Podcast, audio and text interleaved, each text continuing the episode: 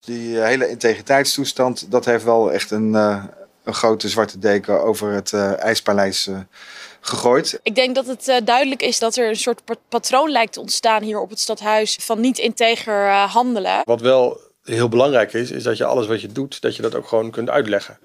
en in het openbaar kunt zeggen. Mijn eerste gedachte was, jongens, het lijkt wel Napels aan de Noordzee.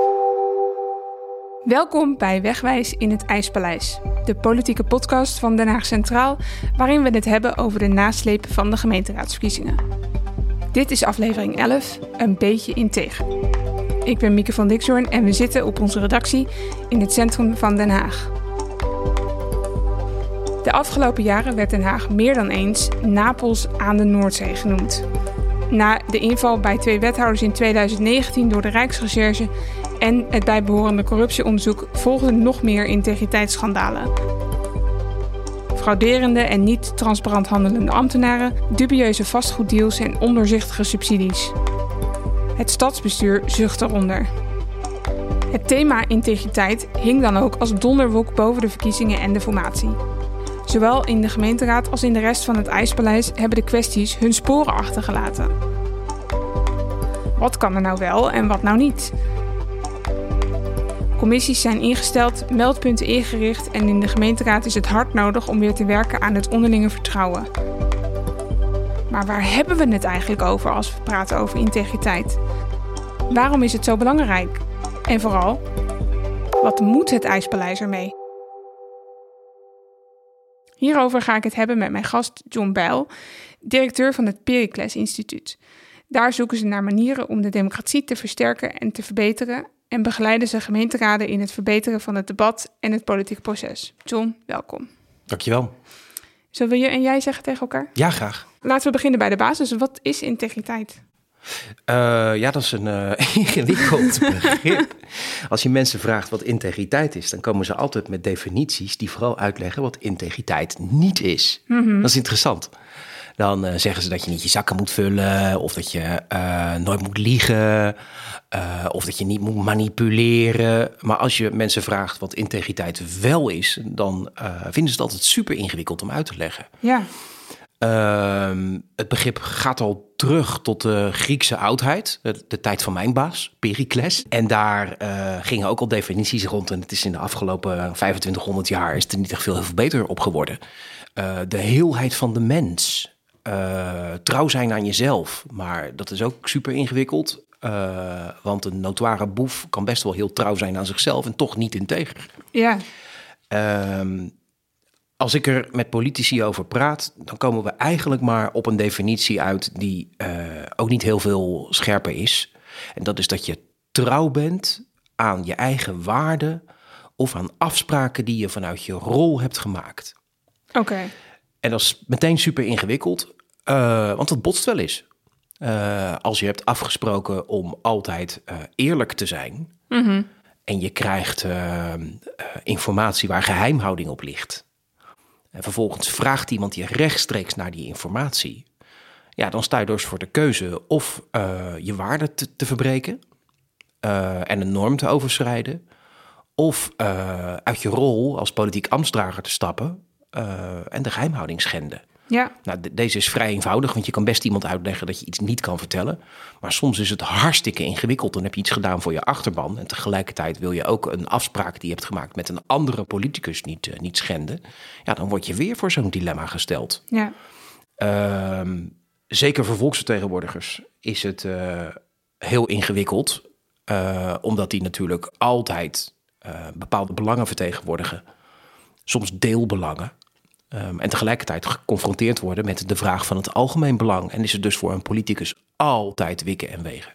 Ja, dus vooral heel veel dilemma's als je het hebt over integriteit. Ja, dat, dat, dat grijze gebied waar ze het dan wel eens over hebben. Je hebt mm -hmm. zwart en je hebt wit. En dan zwart weet iedereen. Uh, dat staat ook gewoon netjes in de wet. Ja. Um, en, en wit, dat is dan heel moeilijk uit te leggen. Maar dat, dat grijze gebied is zo onmetelijk groot. Dat is echt meer dan 50 tinten. En, maar waarom, uh, waarom is het dan toch zo belangrijk en waarom hebben we het er steeds over? Nou ja, omdat mensen wel uh, graag zien dat wanneer een politicus iets zegt of iets doet um, of iets, iets voorstelt, dat hij dat vanuit de beste intenties doet. Ja, we moeten hem vertrouwen. Ja, en vertrouwen dat hij het beste met ons voor heeft. Ja, En eh, dat maakt het soms zo ingewikkeld ook om integriteitskwesties te beoordelen. Want eigenlijk beoordelen we integriteitskwesties alleen maar op de intentie van degene die iets heeft gedaan. Terwijl dat nou en niet op wat eruit is gekomen. Eh, nee, exact, Nee. exact. Eh, ik bedoel, iedereen maakt fouten. Je kan wel eens een foutje maken met de beste bedoelingen. Kan je echt iets goed en wel verkloten. Eh, maar dat maak je niet meteen niet integer, hooguit incapabel. Maar dat is iets, dat is iets anders. Ja, Ehm, je kunt prima zelf profiteren van beleid. Nou ja, bij, wijze van toeval. Ik bedoel, iemand die iets, die slim, slims heeft bedacht, een gat in de markt. En daar eh, eh, hartstikke, hartstikke rijk mee is geworden. Ja, dat, dat vinden we ook niet, niet integer. Mis- misschien niet helemaal gepast soms. Ehm, maar eh, op het moment dat iemand dat, dat we iets horen over iemands intenties, of we doen de aanname over iemands intenties, ja, dan wordt het, wordt het ingewikkeld. Ik dan vind- gaat het schuren. dan ja. gaat het schuren. Ik, Ja. Het beste voorbeeld wat ik kan geven op het moment is dat van Siewert van Liende. Ja, Eh, die eh, werd rijk met mondkapjes. En als hij nou rijk geworden was met mondkapjes, gewoon omdat de slimme onderhandelaar is geweest, dan hadden we gezegd: "Mm, ik weet nog niet of dit nou de beste manier is om, om rijk te worden, maar oké. Maar eh, nu we steeds meer te horen krijgen over hoe die anderen om zich heen heeft gemanipuleerd. En ook via de pers heeft gemanipuleerd. En zijn eigen netwerk heeft ingezet om eh, in het eh, voetlicht te komen bij be- be- beleidsmakers. Wegen die hij op andere manieren had verdiend.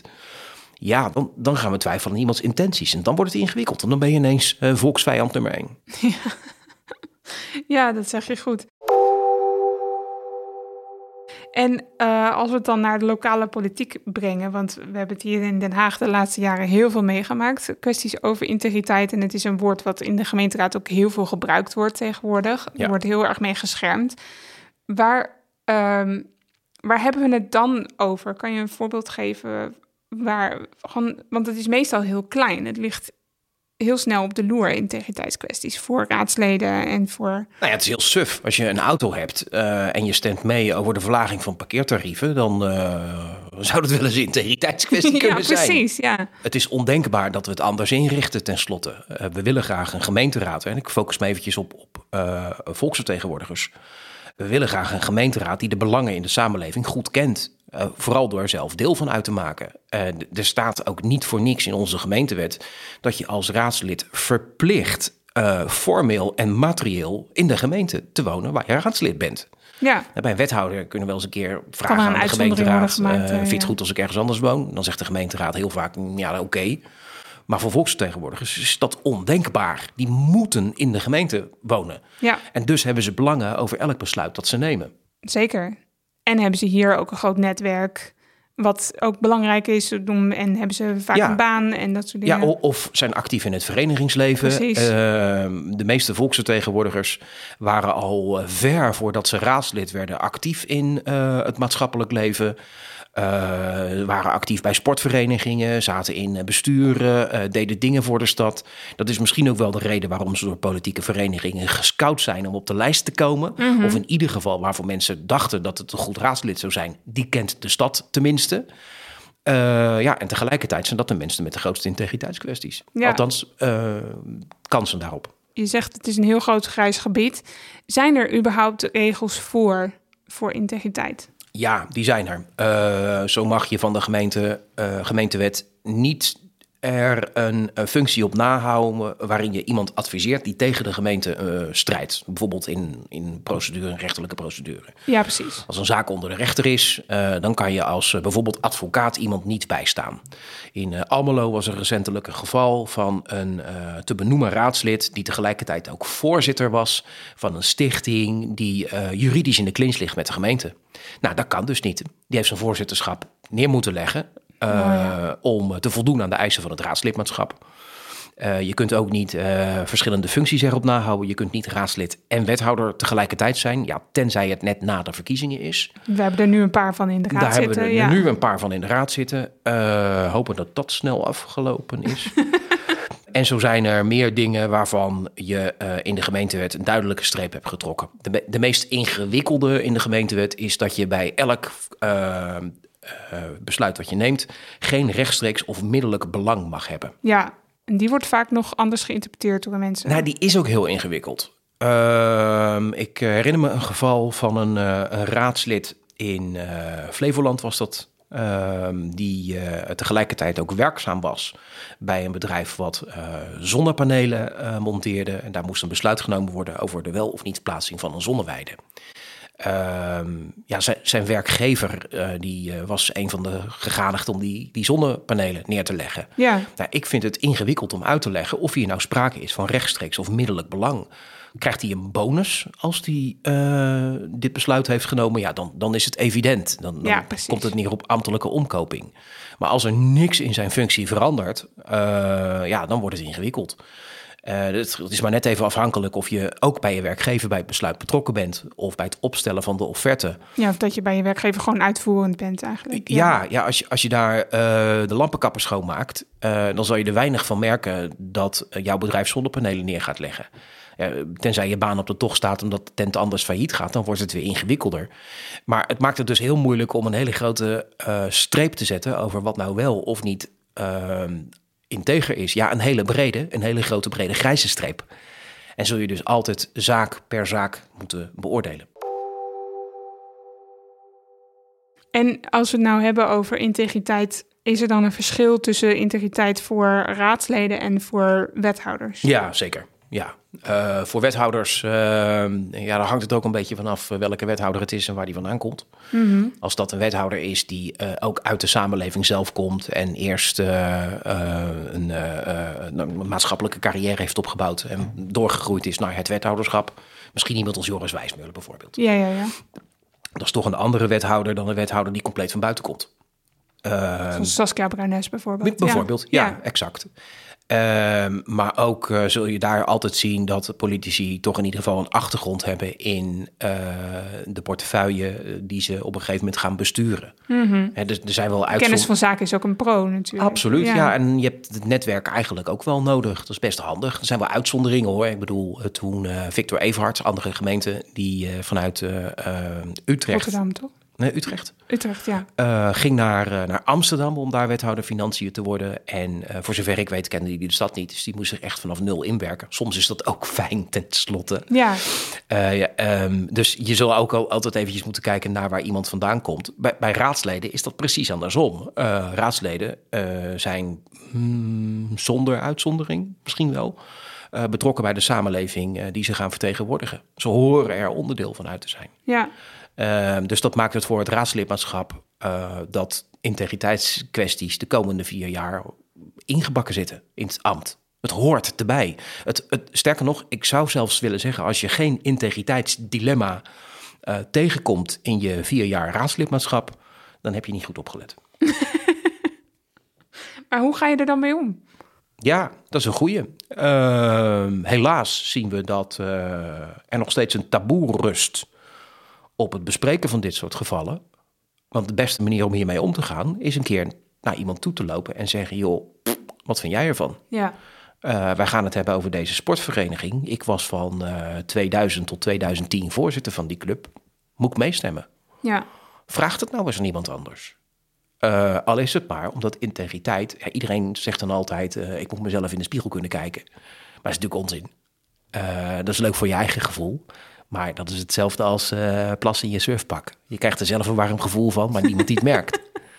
Uiteindelijk gaat het bij integriteitskwesties erom eh, wat anderen ervan vinden. Eh, Ja. publieke opinie, je collega-raadsleden, eh, uiteindelijk misschien wel de rechter. Dus de beste manier om erachter te komen of iets nou wel of niet in de haak is, is eens een keer iemand anders te vragen wat die ervan vindt. Moet je nog wel je eigen afweging maken, hè? begrijp me goed? ja, je hoeft niet zomaar iemand anders te volgen natuurlijk. Maar... Exact. Ehm, maar eh, andere mensen die kijken er altijd vanaf een andere kant naar. En die zien vanuit hun hoek misschien wel eens een keertje waar de valkuilen of de doornstruiken of eh, de beren op de weg zitten. Ja, Eh, en eh, vanaf jouw kant, vanuit één perspectief, zie je ze misschien wel niet. Ja, en als je erin bent gelopen, dan is het te laat. ja dus je, je advies zou zijn, vraag het een keer aan iemand anders. Aan een collega-raadslid of aan de Griffie. Of... Griffie, ja. eh, nu eh, denk ik dat eh menig griffier en menig burgemeester eh, als eerste antwoord zou geven. Wat denk je zelf? Als een goed psycholoog. Ja, nee, ja, maar, ja. maar dat, dat is wat eh, wordt geleerd door mij. Ehm, en eh, een, een collega raadslid, die kijkt er toch even met een andere bril naar. Ja. Eh, maar dat vraagt dus ook een hele gezonde houding om dit soort dingen te bespreken. Eh, En dat, heeft als- dan weer met de cultuur te maken. Zeker, Ja. zeker. Ja, en, en daar gaat het dus vaak mis. Hè? Je merkt nu al toevallig in het Binnenlands Bestuur deze week een, een stuk eh, over een eh, onderzoeker, een arbeidsrechtadvocaat, die tot de ontdekking komt dat integriteit een taboe onderwerp is bij heel veel gemeenten in ambtelijke organisaties. Ja. Nou, dat is dan voor ambtelijke organisaties. Ehm, maar dat geldt al helemaal voor politici. En je zegt net terecht ook dat integriteit vaker als politieke wapen wordt gebruikt. Of liever gezegd, de beschuldiging van gebrek aan Ja, integriteit zeker. als politieke wapen wordt gebruikt. Ja, daar hou je de situatie niet mee gezond en het openbaar bestuur niet mee integer. Nee, nee, want ik merk ook hier in Den Haag dat sinds alle eh, zaken hier zijn gebeurd en dat, dat het een heel gevoelig onderwerp is en dat zowel in de gemeenteraad als in het ijspaleis men een beetje in een kramp is geschoten van Ja. eh, dan wel extreem voorzichtig zijn over dingen en echt eh, heel lang doen over besluiten. Dat hoor ik van veel meer veel mensen dat het ambtelijk apparaat in Den Haag echt heel ehm, extra, extra, extra voorzichtig is geworden. Zeker. En dat eh, in, in, bij de politici inderdaad er... ehm ont, nou ja, dat merkten we ook in de, in, in de formatie natuurlijk... dat er het onderlinge vertrouwen tussen de politici was eigenlijk weg. En eh, er wordt inderdaad regelmatig geschermd met... dat is niet integer, jij bent niet integer. Als ik daarom niet integer ben, dan ben jij daarom ook niet integer. En dat zet natuurlijk de boel alleen maar op scherp. En in de tussentijd hebben ze het niet over wat er wel moet gebeuren. Precies. Verlamd openbaar bestuur krijg je dan. En ik snap het wel hoor, want het is natuurlijk niet helemaal niks gebeurd. Nee, er is Eh, heel veel gebeurd. ja. Burgemeester weg. eh, mede ook omdat ze niet eerlijk is geweest naar de gemeenteraad. Misschien zelfs wel vooral dat. Dat denk ik wel, ja. Ehm, eh, dus integriteitskwestie. ja. Een eh, college waar twee wethouders eh, door de Rijksrecherche zo goed als van hun bed worden gelicht met een inval op, het- op, op het gemeentehuis. Eh, vanwege een integriteitskwestie. Ja. En op dat moment geen gemeentesecretaris, want interim. En dan ook nog eens een keer gedoe over wie dan de volgende zou moeten worden. Want dat was iemand van de Belastingdienst, weet je nog. ja, ja, ja, Een zeker. gemeenteraad die structureel op voet van oorlog met elkaar leefde. Kunnen we, Topam- kunnen we hier een krekelgeluidje in monteren? Topambtenaar, ja, een topambtenaar die, eh, die, die weggestuurd moest worden omdat hij onjuist gehandeld had. Ja. Een frauderende ambtenaar, nog een frauderende ambtenaar. Ja, een vastgoeddeal met een, eh, een bepaalde tassenontwerper die eh, tegen het licht gehouden moest worden. Cultuurpaleis waar een raadsenquête over wordt gestart later, over een paar maanden. Ja, Deze podcast eh, wordt u eh, verzorgd eh, door medewerking van Kleenex. zodat u even uw tranen droog kunt hebben over de belabberde toestand in Ja, dus wat, dan, dan is het dus logisch dat het een enorme rol speelt in, het, in de formatie nu. En in de komende periode, neem ik aan, op het moment dat we dan een nieuw college hebben. Maar wa- wat, wat verwacht jij dat het effect gaat zijn? En hoe komen we vooral weer, Ja. weer uit deze kuil? Nou ja, het voordeel is, is dat we een, eh, een parlementaire democratie hebben ehm, die georganiseerd is middels verkiezingen. Eh, met een duaal stelsel waar eigenlijk maar één kiezersmandaat is en dat is voor de gemeenteraad. Eh, dat, is, dat is een voordeel, want het betekent namelijk dat na de verkiezingen, die hebben we al een tijdje geleden, dat is Ja. meer dan drie maanden geleden, Zeker. zoals je weet, ehm, eh, na de verkiezingen politici tot elkaar veroordeeld zijn. Ja, ze moeten er samen uitkomen. Ja, exact. En eh, dat betekent dat ze dus elkaar heel lang diep in de ogen moeten kijken. Ik ben blij dat het lang duurt, die formatie. Oké. Want dat geeft ze namelijk eh, wel ook een beetje de mogelijkheid om elkaar eh, te leren vertrouwen. En eh, vertrouwen, dat krijg je niet onder druk. Dat vertrouwen onder druk is georganiseerd wantrouwen. Dan krijg je regels en dichtgetimmerde akkoorden en een krijg je weer een college wat uh, vier jaar lang vastzit uh, met uh, alles. Nee, ik ben benieuwd of dat er uitkomt. Nou ja, ik hoop, ja. Ik hoop van, van, van, van niet natuurlijk. Ik hoop dat er een vertrouwensbasis is. Ja. En dat die vertrouwensbasis er recht, niet rechtstreeks is met Hart voor Den Haag.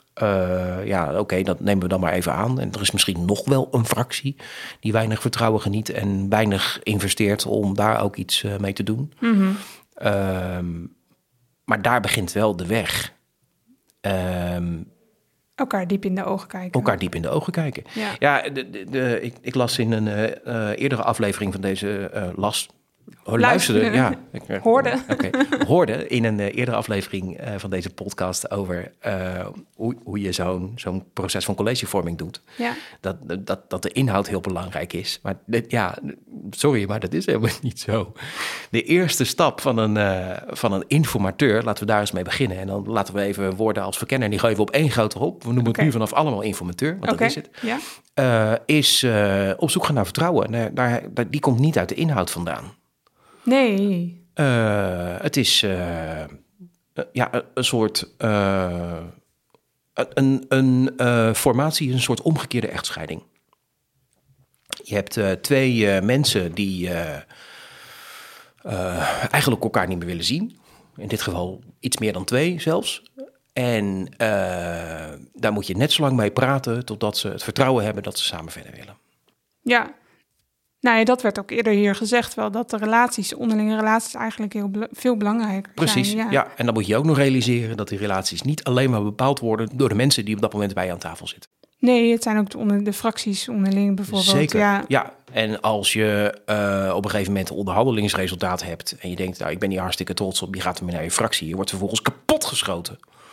Zoals Den Uyl ooit is gebeurde in 1977. uh, dan, uh, ja, dan... kan je weer van je, vooraf aan beginnen. Ja, dan sta je verder dan terug bij af.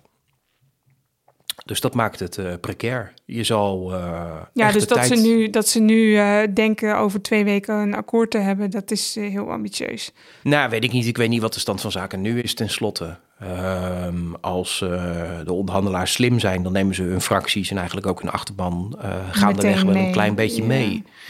Uh, misschien dan toch weer een landelijk voorbeeld. Er is over landelijke formaties veel meer gepubliceerd dan over gemeentelijke. Dus dat maakt het makkelijker om daar voorbeelden van te geven toen uh, uh, D66 moest gaan onderhandelen met VVD en CDA en er een akkoord uitkwam, is het voorgelegd aan het partijcongres. Jongens, vinden jullie dit een goed idee? En die gingen morrend, oké, maar toch akkoord. en dat was ook wel een stap om naar een vertrouwensbasis toe te werken. Want op het moment dat je dan al zit en je krijgt dan de wind van voren bij het minste geringste wat er gebeurt, ja, dan is het dus ineens een stuk ingewikkelder. Ja geldt dat van hopen dat er een akkoord komt met niet te veel regels en niet te veel dichtgetimmerd, wat niet te veel dichtgetimmerd is. Geldt dat ook voor de gemeenteraad in het algemeen? Want er, zoals ik al benoemde, er zijn heel veel um, commissies ingesteld en er worden trainingen gegeven en er worden uh, meldpunten opgericht. Kan je daarin doorslaan als we het hebben over hoe de gemeente verder moet na al deze integriteitsschandalen? Meer regels gaat een openbaar bestuur niet in, meer integer maken. Nee. Wat wel? Uh, vertrouwen en uh, vooral ook zelfvertrouwen waarmee je zelf kwetsbaar op kunt stellen en dus uh, een hulpvraag kan stellen aan iemand. Ja. In een van mijn bijeenkomsten, we hebben in de afgelopen jaren nou ja, uh, honderden wil ik niet zeggen, uh, laten, uh, zeker meer dan honderd bijeenkomsten georganiseerd met gemeenteraden over het integriteit. Een van de mooiste opmerkingen die ooit een keer iemand zei was: Ik heb de mening van anderen nodig om mijn eigen moreel kompas te eiken. Ja. Dus het onderwerp taboeloos bespreekbaar houden en je dilemma's neerleggen, zorgt ervoor dat je het openbaar bestuur integer houdt. Ja. En zelfs als je dan besluit om mee te praten over het subsidiekader, waar ook dat theater in zit, waar jij uh, ooit eens uh, voorzitter van de Raad van Toezicht bent geweest. En je kan uh, dat uitleggen omdat je je altijd hebt ingezet voor de kleine lokale kunst. en dat het dus heel raar zou zijn als je nu niet mee zou stemmen. Mm -hmm. ja, dan is dat een goede uitleg. Maar je hebt misschien wel eventjes het perspectief van iemand anders nodig om dat verhaal goed te kunnen vertellen. Ja. Uh, iemand anders stelt je vragen en kan je helpen je eigen gedachten, je eigen overwegingen uh, uit te leggen. Waardoor we ook meer snappen van de intenties. En zoals gezegd, het zijn vooral de intenties die bepalend zijn in uh, de beoordeling of iemand wel of niet integer is. Ja, dus de oorlog moet eigenlijk uh, beslecht worden, of die moet, moet gesust worden in de gemeenteraad in Den Haag. Ja, uh, om meerdere redenen dan alleen integriteit. Ja. Ik bedoel, de, de, het kenmerk van een goed debat is dat mensen naar elkaar luisteren en op elkaar standpunten ingaan. En op het moment dat er uh, snoeihard op elkaar op de man wordt gespeeld, misschien wel met integriteit, beschuldiging van integriteit als wapen, ja. uh, dan luisteren mensen niet meer naar elkaar. En dan kom je niet tot de afweging over hoe je nou de beide zijden van de laan van Meerdervoort met, Meerdervoort met elkaar verenigt. Of wat uh, uh, je precies gaat doen met de dilemma's uh, rondom ehm, verschillen in wijken en wat het dan betekent voor de sociale voorzieningen.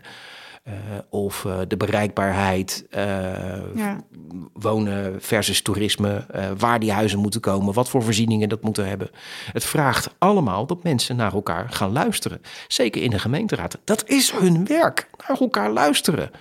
Maar op het moment dat je de ander als uh, uh, minderwaardig beschouwt, omdat je hem als een vijand ziet, dat is dan polarisatie. Mm-hmm. Uh, of uh, als niet integer, want een boef.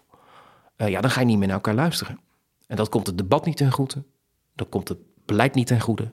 Dat komt de stad niet ten goede. Dus naar elkaar luisteren allemaal op het IJspaleis. En deze podcast. Helemaal goed. Dankjewel John dat je hier wilde zijn. Graag gedaan.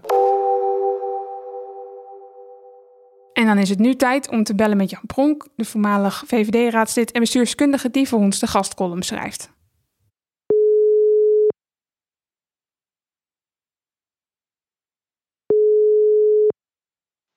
Goedemorgen, Miek. Hey Jan, hoe is het ermee? Ja, uitstekend. En met jou? Ja, goed hoor. Het is alleen heel stil op het IJspaleis. Nou hè, het is nu al een maand onderweg en we horen eigenlijk officieel sowieso helemaal niks. Nee. Maar in de wandelgangen vind ik het ook een beetje stil. Ja, maar dat lijkt me een teken dat, ze, dat, het, dat het goed zit. Want als het gaat lekken, dan, uh, dan uh, gaat het meestal mis. Of dan duurt het in elk met, geval langer. als je een maand met elkaar in gesprek bent, dan zou je zeggen dat als het had geklapt, dan, dan was dat denk ik al wel gebeurd. Hè? Het heeft niet zo ja. heel veel zin om een maand te wachten met de moeilijke issues in uh, de onderhandelingen. Die leg je volgens mij aan het begin, of in ieder geval ergens along de way, wel een keer op tafel. En niet aan het einde waar het op nog kan stuk lopen. Dus ik denk dat we binnenkort witte rook hebben. Ja, ik ben wel benieuwd of ze het al over de financiën hebben gehad. Ja, dat is natuurlijk het heikele punt. Hè. Kijk, iedere partij heeft heel veel uh, beleidswensen. Willen allemaal mooie en leuke dingen doen voor de stad. En die moeten betaald worden. Maar ja, Precies. de rekening van de gemeente Den Haag uh, uh, staat behoorlijk rood. Of is, is in ieder geval redelijk op. Ja. Dus als je die wil betalen, dan moet je of bezuinigen of de lasten verzwaren. En dat is uh, voor geen van de partijen aan tafel echt een hobby. Nee, precies. Maar jij neemt alvast een voorschot op uh, de witte rook in jouw column, want je hebt het over de nieuwe wethouders. Ja, kijk, op het moment dat ze er wellicht bijna uit zijn in de onderhandelingen, wordt het natuurlijk interessant om te gaan speculeren over het favoriete gezelschapsspel. Wie zouden er in het college gaan komen? Ja, nou daar kunnen we er volgens mij al wel een paar van invullen. Maar jij zegt, eh, normaal gesproken uh, worden die mensen geselecteerd ook om, vanwege loyaliteit aan de partij en omdat ze nou eenmaal aan de beurt zijn. Maar mm-hmm. jij voegt daar twee uh, criteria aan toe.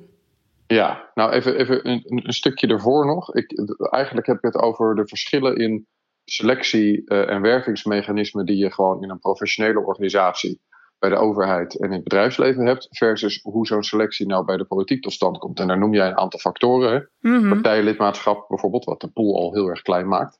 Of loyaliteit aan de partij of laten zien dat je de partij hebt gediend al een x aantal jaar. Versus wat je in het bedrijfsleven of bij de overheid zou zien. En daar beginnen we natuurlijk bij relevante werkervaring en kennis van het vakgebied, om maar eens iets te, te noemen. Ja, lijkt me heel en belangrijk.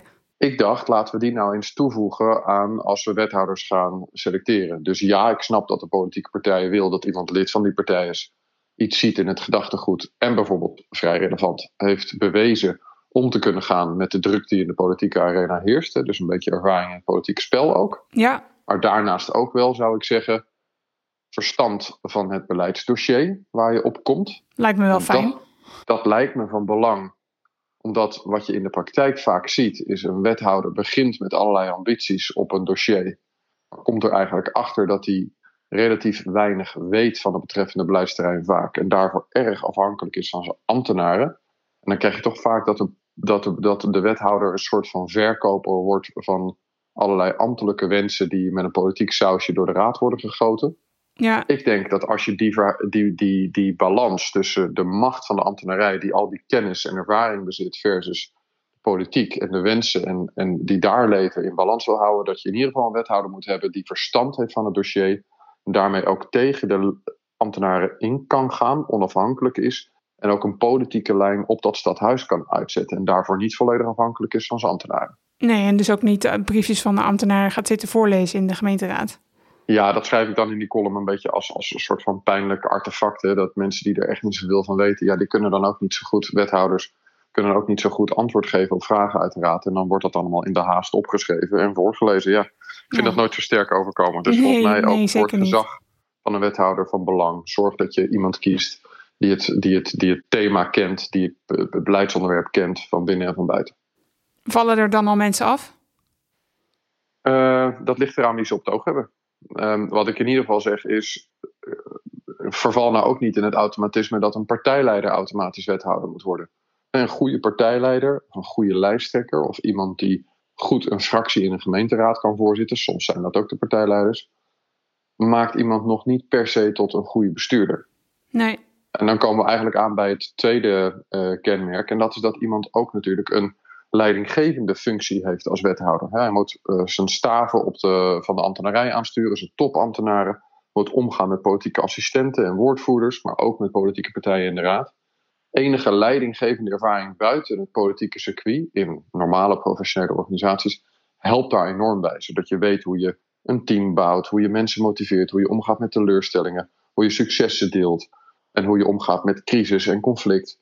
Allemaal zaken die je in een normale carrière leert. En als je dan goed doet, dan kom je bovendrijven. En ik denk dat dat eh, competenties zijn die je daarmee opdoet, die voor het politieke bedrijf, om effectief te kunnen zijn, heel relevant zijn. Dus graag die twee, kennis en ervaring, toevoegen aan de selectielijstjes voor de nieuwe wethouders. En hierbij de open sollicitatie van Jan Pronk. Nee, absoluut niet. Nee, dat heb je me al wel eens eerder gevraagd in de interview Nee. van de Centraal. Ik maak een Dat gaat- grapje. Dat gaan we niet doen. eh. Nee, nee, nee. Ik heb een bewuste keuze gemaakt. Ik, had mijn petje afgezet van de Ja, ja, politiek ja. en ik Nee, was watcher geworden. ik, ik ben je in aan het plagen. Ik ben je aan het plagen. Ja, weet ik, weet ik, weet ik. Vind het wel leuk dat je het zegt. Maar eh, zeker niet. Nee. Nou, laat ze het in hun oren knopen. Dankjewel, Jan. Oké, dankjewel Mick. Tot de volgende keer. Dan wil ik iedereen bedanken voor het luisteren. Heel veel dank ook aan Stichting Luizende Pels die deze podcast mede mogelijk maakt. De column van Jan is zoals gewoonlijk te lezen op www.denhaagcentraal.net. Over twee weken zijn we terug met de grote finale van seizoen 1 van Wegwezen in het IJspaleis. Hopelijk is er dan een collegeakkoord, maar gasten zijn sowieso hoofdredacteur Herman Rozenberg en mijn collega Jeroen van Raalte, die hier ook wel eens bij de aftrap. Heb je vragen of opmerkingen? Stuur ze naar podcastapenstaartje denhaagcentraal.net. En voor meer nieuws, reportages en analyses, kijk op onze website, koop een krant of neem een abonnement.